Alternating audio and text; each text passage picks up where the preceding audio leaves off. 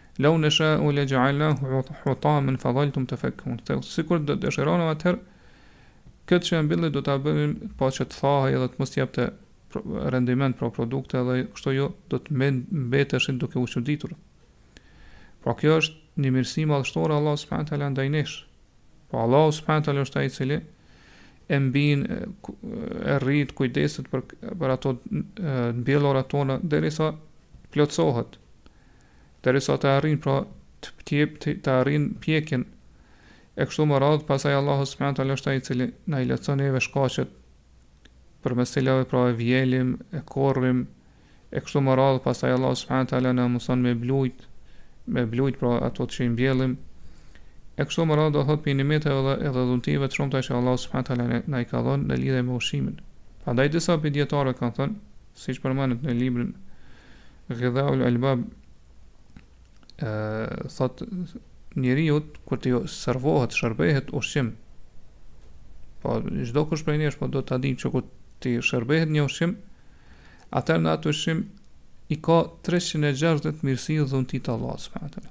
Nëse ndalet edhe mundohet me i numëru atëherë mund të arrijë me i numëru deri në 360 nimete mirësi të Allahut subhanahu Kjo është ajo që njeriu mundet pra me arrit me perceptu dhe me kuptu prej dhuntive dhe mirësive të Allahut kur i shërbehet një ushqim.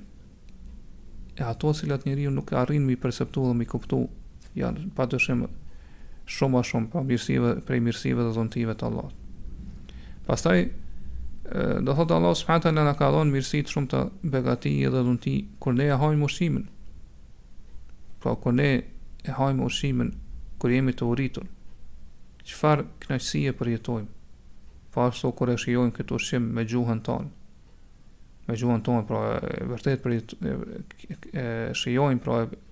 E përjetojmë atë shijen e mirë, pastaj kur ushqimi kalon nëpër zorrët tona, do thotë kalon edhe përpunohet aty pa kurrfarë lodhje prej nesh. Pra, sikur një insekt i vogël miza po më shkojnë të binte në trupin tonë ose në dorën tonë, menjëherë do ta vërenim, do ta hetonim edhe do të rënqethëshim prej saj. Mirëpo ky ushqim kaq i ashpër, kaq do thot i, i madhë që është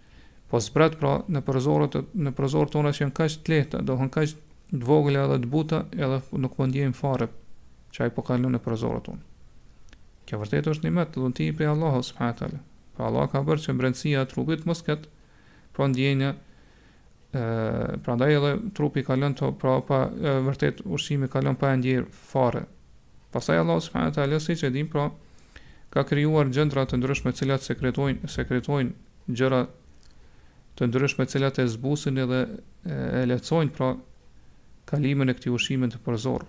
Pastaj Allahu subhanahu wa taala ka bërë këtij ushqimi pra siç e dim kanale që së bashku me lëngjet edhe me ujë me ujin pra kalon do thotë në, në pjesët e mbrendshme të trupit.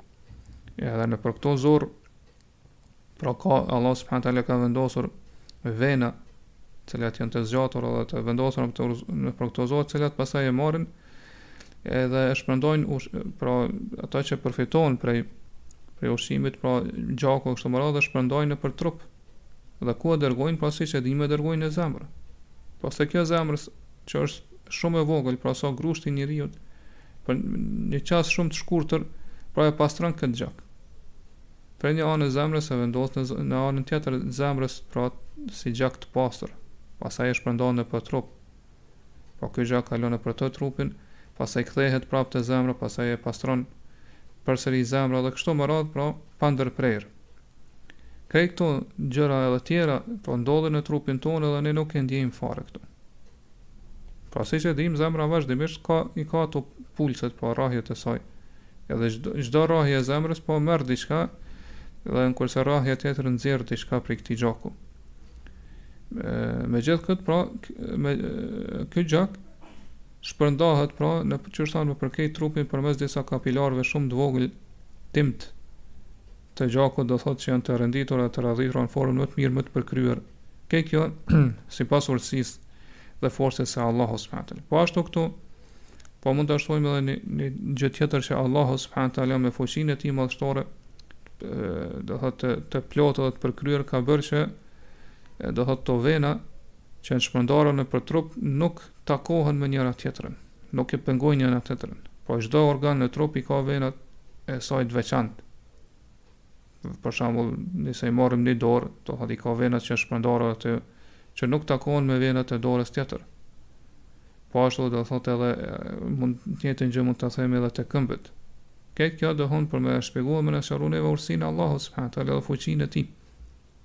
Pa dyshim që kjo ka ardhë si rrjedhojë e një urtësie madhështore, një urtësie absolute të Allah s.w.t.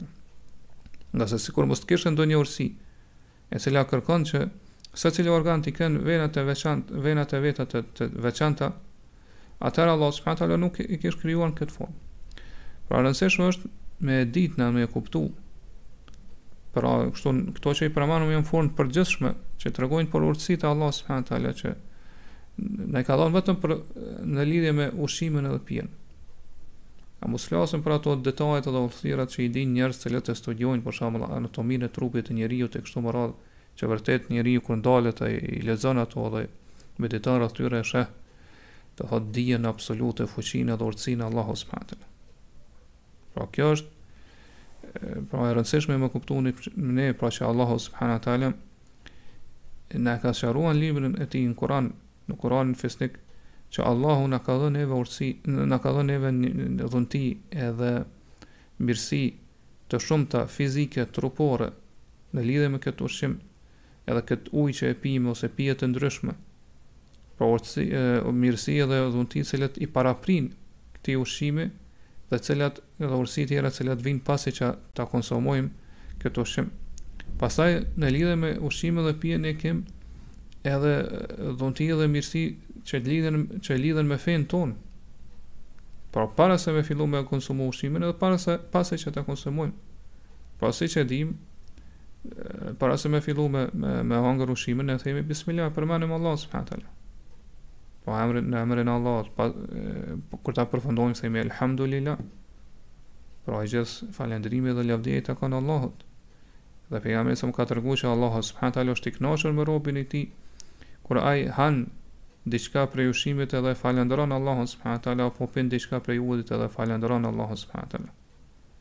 Edhe kënaqësia e Allahut subhanahu wa taala është synimi edhe objektivi edhe qëllimi i çdo besimtari, i çdo njeriu.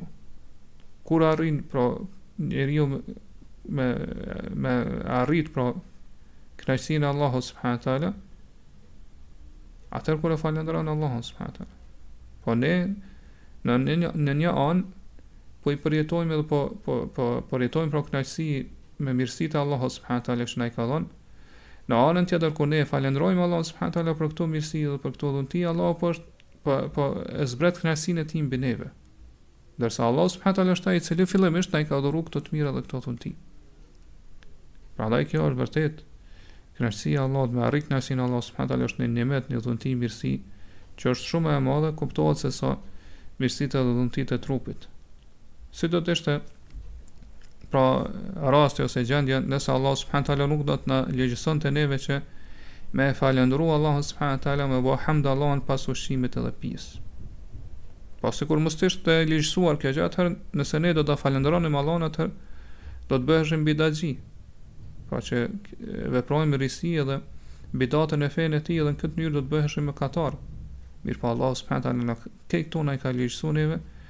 mënyrë që përmes tyre ne me arrit kënaqësinë e Allahut subhanahu wa taala. Prandaj e lusim Allahun subhanahu wa taala që me na mundësu me realizu edhe me arrit që me me realizu ose me arrit që Allahu subhanahu wa taala të jetë i kënaqur me neve.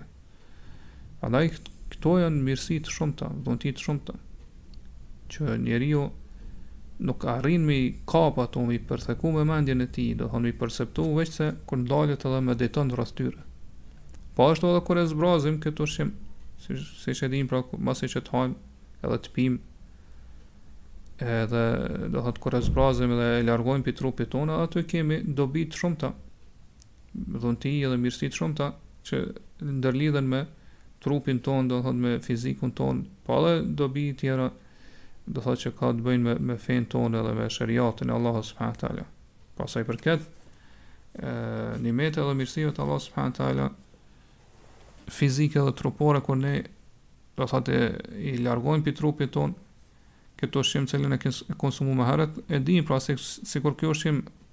apo kjo, ky ujë të mbetej mbrana trupit tonë, edhe mos dilte, atëherë përfundimi do të jetë vdekja pra e pashmangshme. Mirëpo me dhuntinë e Allahut subhanahu taala i del. Po ashtu Allah subhanahu taala ka vendosur disa gazra do të thotë në në në zorrët tona.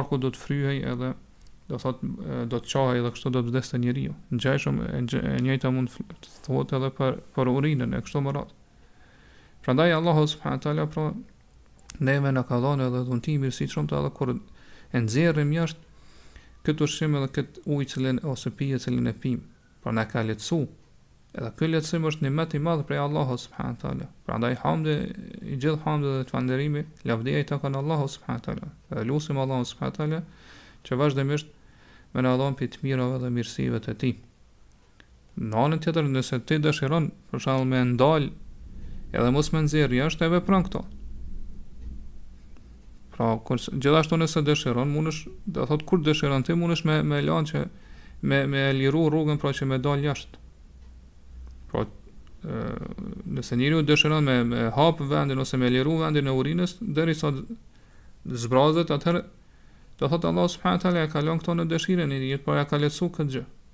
Po edhe në anën tjetër nëse dëshiron mundet do thotë me e mbajt. Pra nuk është një çështje që njeriu është e, i detyruar patjetër me e vepru, pra edhe nëse ajo fshikëza e urinës, pra është e mbushur vetëm një pjesë e vogël, pra një e katërta, ti mundesh me shku edhe me liru edhe me zbras krejt.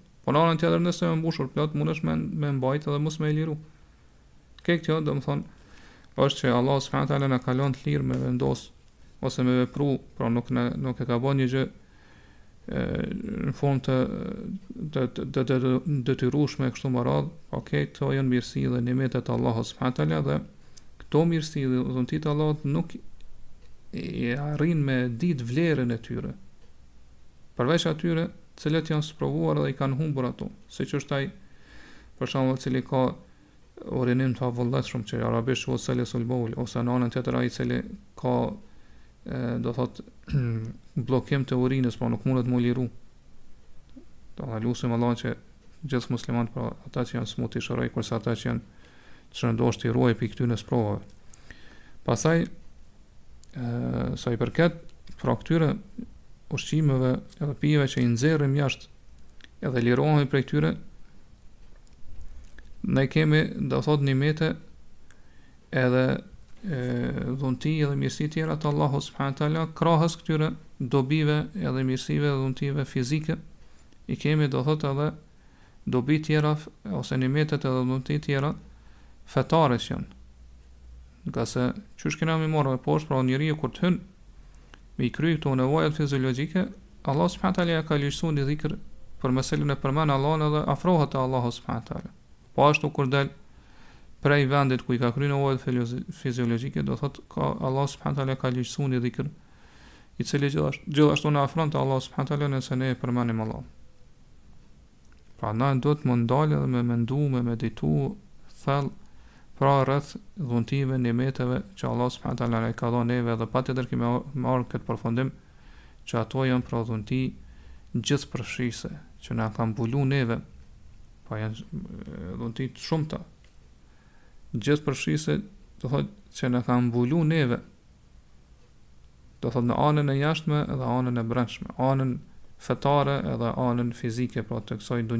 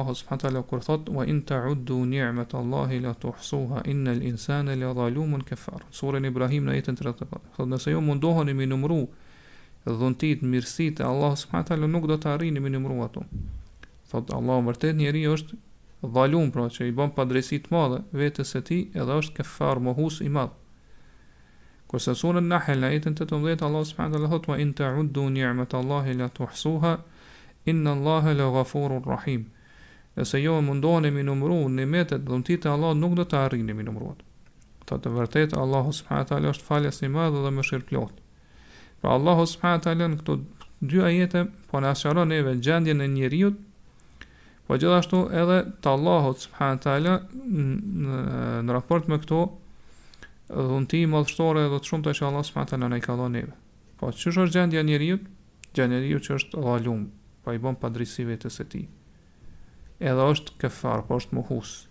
I mohon nimetet, nuk është falënderues, nuk është mirënjohës edhe i mohon nimetet e Zotit të tij.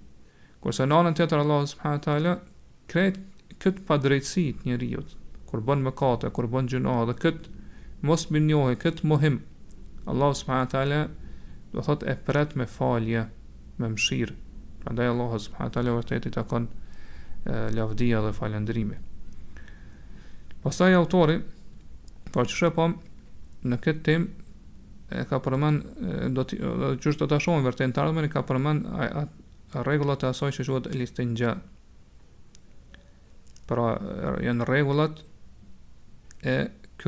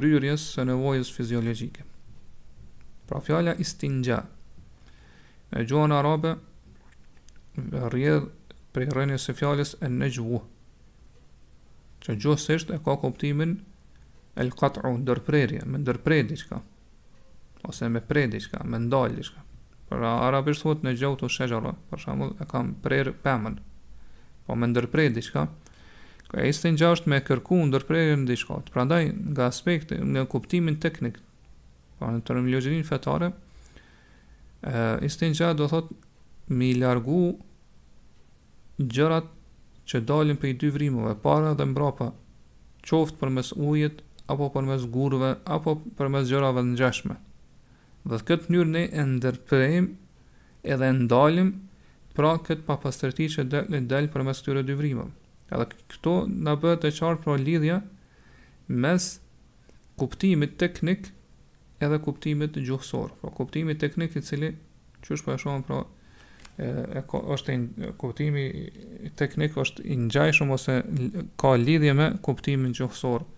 Do thot prej fjalës e, ose rrënjës prej cilës ka derivu edhe kuptimi fetar apo kuptimi teknik.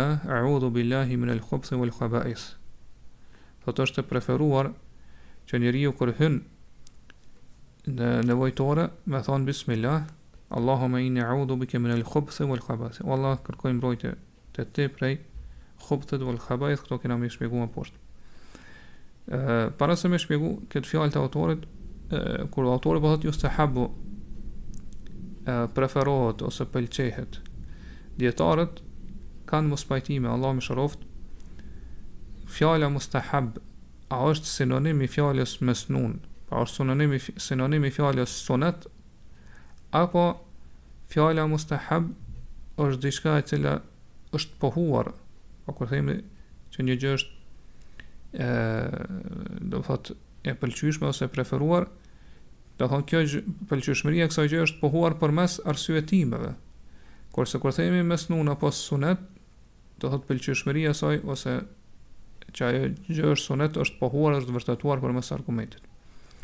Disa dijetarë kanë mendimin që kur një gjë apo pëlqyeshmëria e saj nuk bazohet ose nuk vërtetohet përmes argumentit, Kësaj gjëje nuk mundemi me thon që është sunet. Se nëse themi është sunet, atër patjetër duhet me e vërtetu me e pohu sunetin, pra hadithin, i cili tregon që ajo është, është pëlqyshme, pra është sunet me e vepru. A nëse nuk kemi argument atëherë ti e ke pohu sunetin e një vepre pa argument.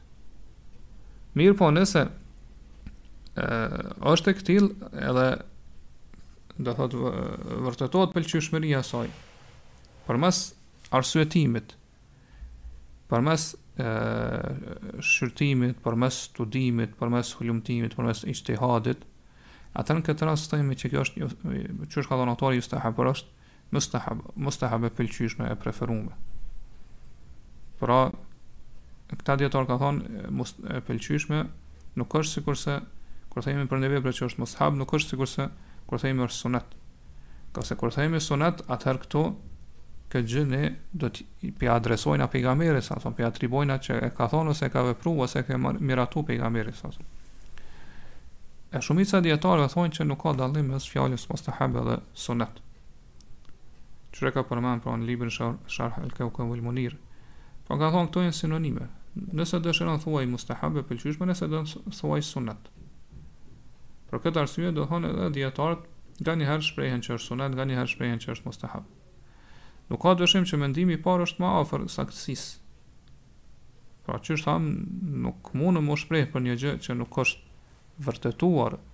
përmes argumentet që ajo është sunet. Mirëpo në këtë rast themi është e pëlqyshme, pra është e preferume,, ose mund me thonë është një gjë që kërkohet, është mirë të veprohet e kështu me radhë. Pra, sido qoftë autori po thotë është e pëlqyeshme që para se me hi në nevojtore me thonë bismillah. Për këtë kemi sunet, pra kemi argument e hadithin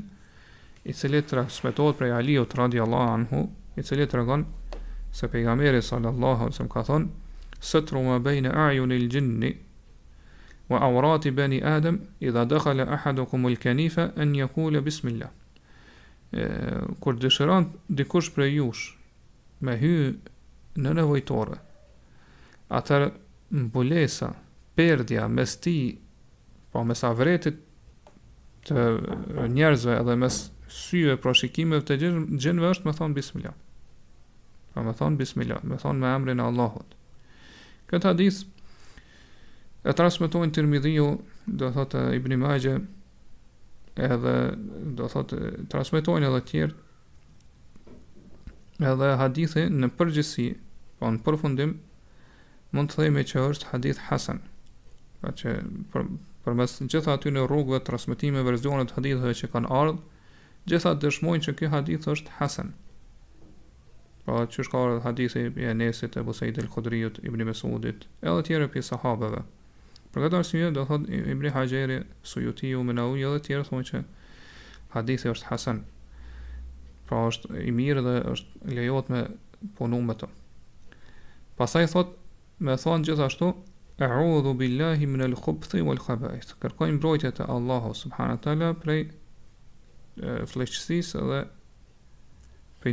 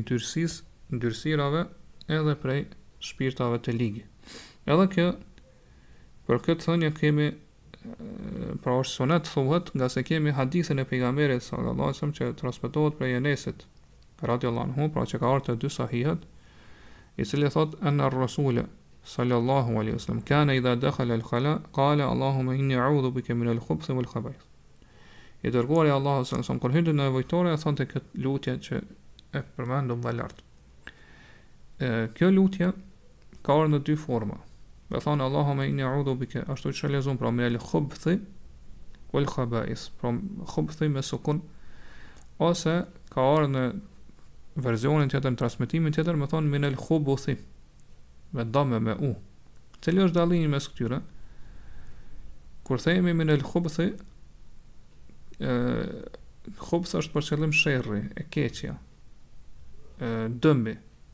Po kërkoj Allah mbrojtje të ti prej të këqijave, prej gjërat papastërta, të dëmshme, kurse el, kur ja bashkëngjesim wel khabaith, atëherë për qëllim janë shpirtat e këqij, shpirtat e ligë, domethënë prej xhinve, prej shejtanve kështu me Ndërsa nëse themi khubuthi, atër khubuth është shumësi i fjalës khabith, i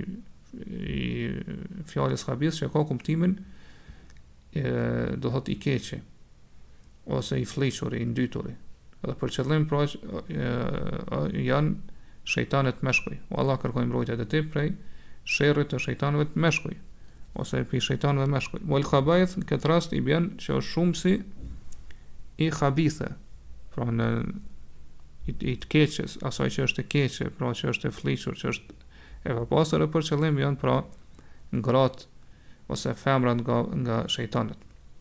Sido qoftë nëse themi me me sukun el-khubthi, kjo është më e përgjithshme. Për këtë arsye shumica e transmetimeve që kanë ardhur, qysh ka e përmend këtë Hatabi në Mealim es-Sunen, thotë shumica e transmetimeve ka ardhur me sukun. Ngase kjo është më e përgjithshme, por kur themi Allahumma inni a'udhu bika min al-khubthi, O Allah, kërkoj mbrojtje te Ti prej sherrit, prej të keqes, prej dëmit, wal khabaith dhe prej shpirtave të këqija, atëherë te shpirtrat e këqij dhe të ligë dhe të dëmshëm hinë krejt, pra edhe shejtanët meshkuj edhe shejtanët femra, po gjithashtu kërkoj mbrojtje prej Allahut edhe të prej khubthit, pra prej të këqijave në përgjithësi, prej sherrave, prej dëmeve, prej papastërtive e kështu me radhë. Dhe qysh e pamë pra dobija kur themi ne bismillah para se me hy Në nevojtore është që me këtë pra bëjmë mbulesë perde mes neve ose kur ne zbulojmë avretin edhe shikimet të xhinve edhe shejtanëve. Kurse dobija kësaj istiadhe pra kërkimin mbrojtje te Allahu subhanahu taala qysh e, shpe, e, e përmendëm më lartë, është që ne përmes saj kërkojmë strehë dhe mbrojtje te Allahu subhanahu teala prej gjitha të këqijave, prej gjitha sherrave, prej gjitha dëm, dëmeve, prej gjitha gjërat të papastërta, të fëlliqura, po ashtu domethënë prej shpirtave të ligë, domethënë të këqij, dëmshëm, Ngase ky vend është vendi ku ka papastërti, pra ku ka ndyësi, edhe është vend, pra vendstrehë i shpirtave të ligë, shpirtave të fëlliqur, të papastër, pra është vendstrehë i shejtanëve. Prandaj, për këtë arsye, Pejgamberi a.s. e ka ligjësu me thonë këtë dua, ngase është e përshtatshme,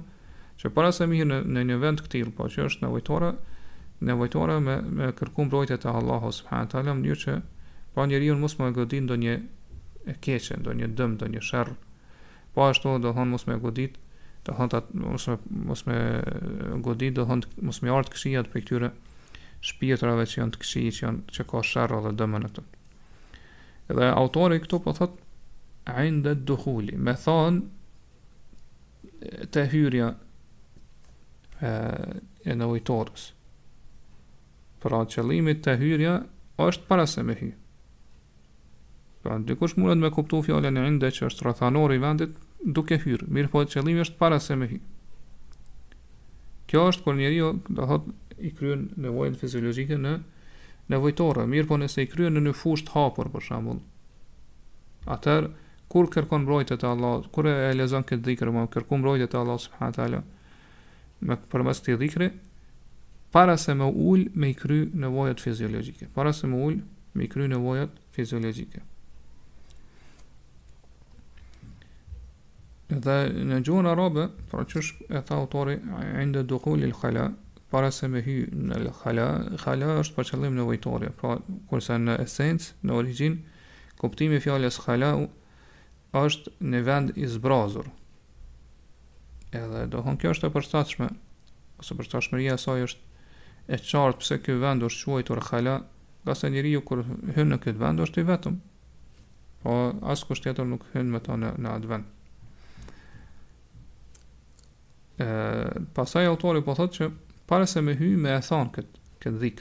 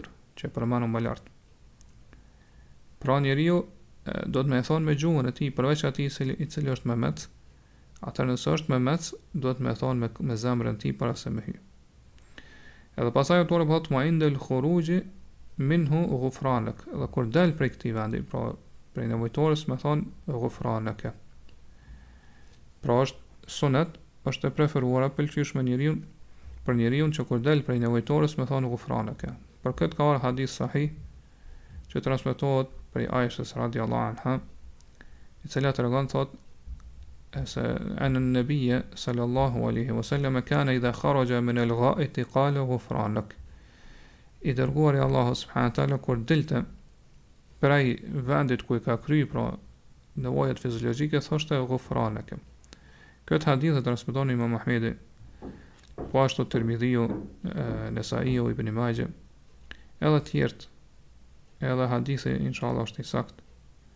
Edhe për këtë arsye e kanë saktësu ose kanë vlerësu si të saktë, shumë prej dijetarëve si Ibni Hibbani, Hakimi, Neveviu, Ibni Haxheri, e kështu me radhë.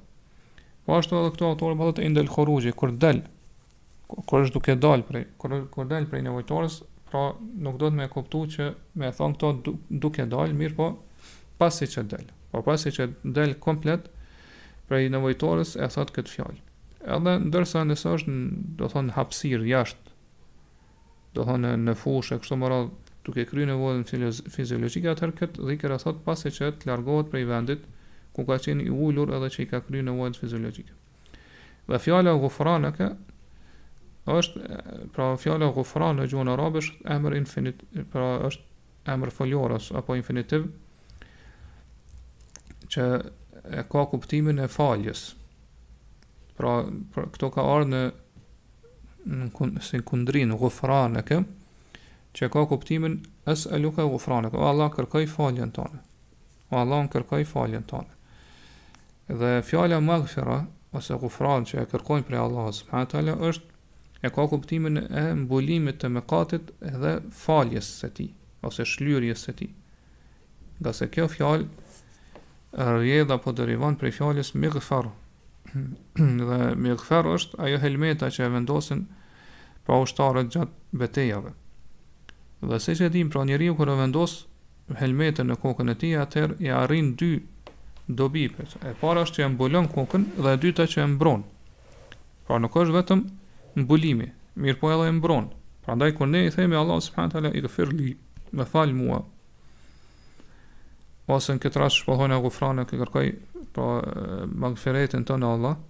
Atëherë po qëllim është mbulojmë mëkatet e mia dhe shlyemi ato mëkate, falmi ato mëkate në mënyrë që të shpëtoj prej pasojave të tyre.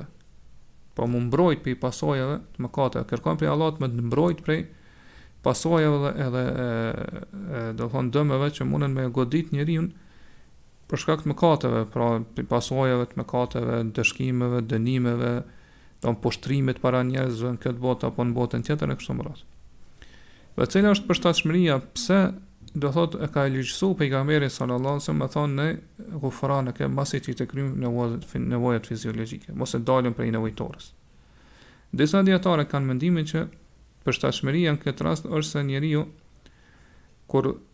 e do thotë është lehtësuar edhe do thotë e ka zbrazur prej trupit të tij, ka larguar prej trupit të tij, do thonë këto gjëra që e dëmtojnë trupin e tij. Pra këto papastërti e kështu me radhë. Atëherë në këtë rast njeriu do t'ia kujtojë vetes edhe dëmet që mundën me lëndu ato atë për shkak pra që vinë si pasojë e mëkateve dhe gjinohave. Prandaj këtu njeriu duhet me lut Allahun subhanahu teala që me ia lehtësu atina edhe do thot lëndimet apo dëmet, ndëshkimet e kështu me radhë që i vinë si pasojë e mëkateve ashtu qysh Allah subhanahu teala ka begatuar njeriun edhe ja ka mundësuar pra qysh thamë në fillim dersit që m'i largu këto gjëra të dëmshme edhe e, do thot të papastërta prej trupit të tij. Edhe kjo është shumë e përshtatshme, pra që për shkak të një gjëje me kujtu një gjë tjetër. Këtë e ka përmendur Ibn Qayyimi në librin e tij Igathatul Lehfan. Disa dijetarë kanë mendimin që njeriu në këtë rast e lut Allahun që me ia falë dhe me ia shly mëkatet, ngase do thotë ai gjatë kryerjes së nevojave fiziologjike ka mbet do thotë i mbyllur aty, edhe nuk ka mujt me përmend Allahun subhanahu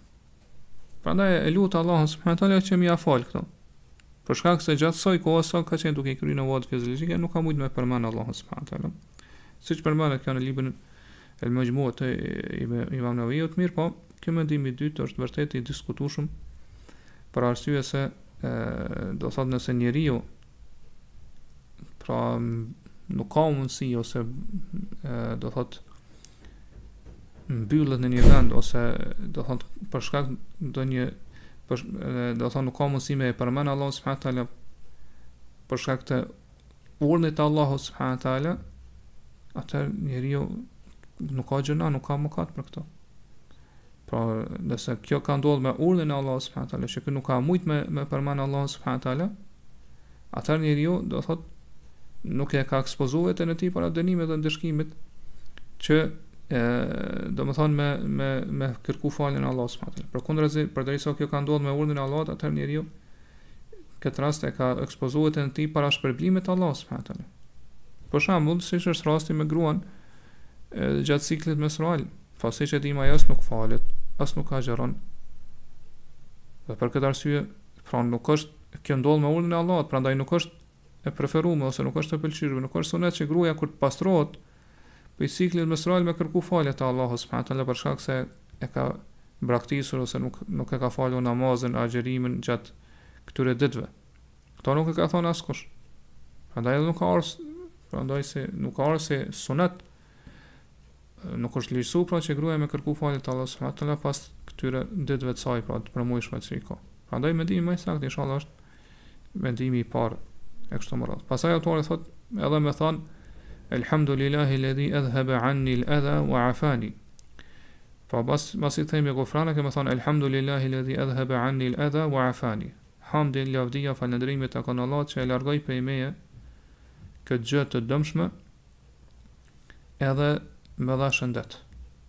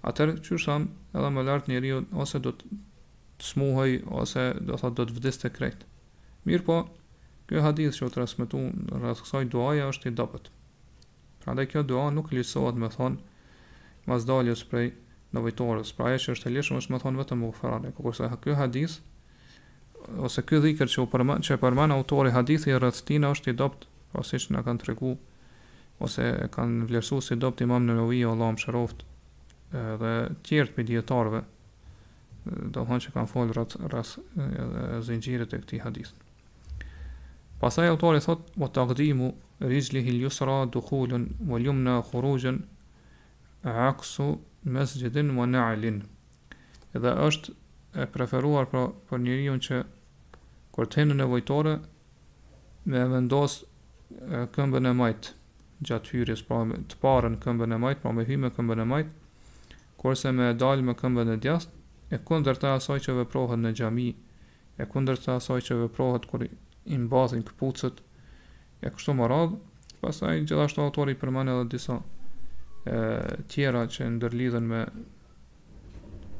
ose po e shpjegojmë edhe këta pra është e preferume ose është e pëlqyeshme që njeriu Pra kur të hynë në nevojtore me vendos të parën këmbën e majtë. Po gjatë hyrjes në nevojtore me me me hy me këmbën e majtë.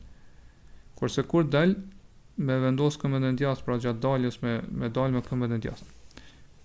Këtë çështje që e ka përmend autori ose këtë meselë është meselë analogjike. Pra ka ardhur në këtë përfundim përmes analogjisë. Andaj po thotë e kundërta e asaj që veprohet kur hyhet në xhami. Ngase domethënë sa i përket xhamisë, siç e dim, pra ka ardhur në sunet që në xhami me hy me këmbën e djathtë, kurse me dal me këmbën e majtë. Edhe këtë hadith e transmeton pra Hakimi, edhe thotë është sipas kushtit të Muslimit edhe Dhehebiu pajtohet me të. Dhe gjithashtu sa i përket mbathjes së këpucave, është pohuar prej pejgamberit sallallahu alajhi wasallam që ai ka urdhëruar që kur t'i mbathim këpucët, atëherë me fillu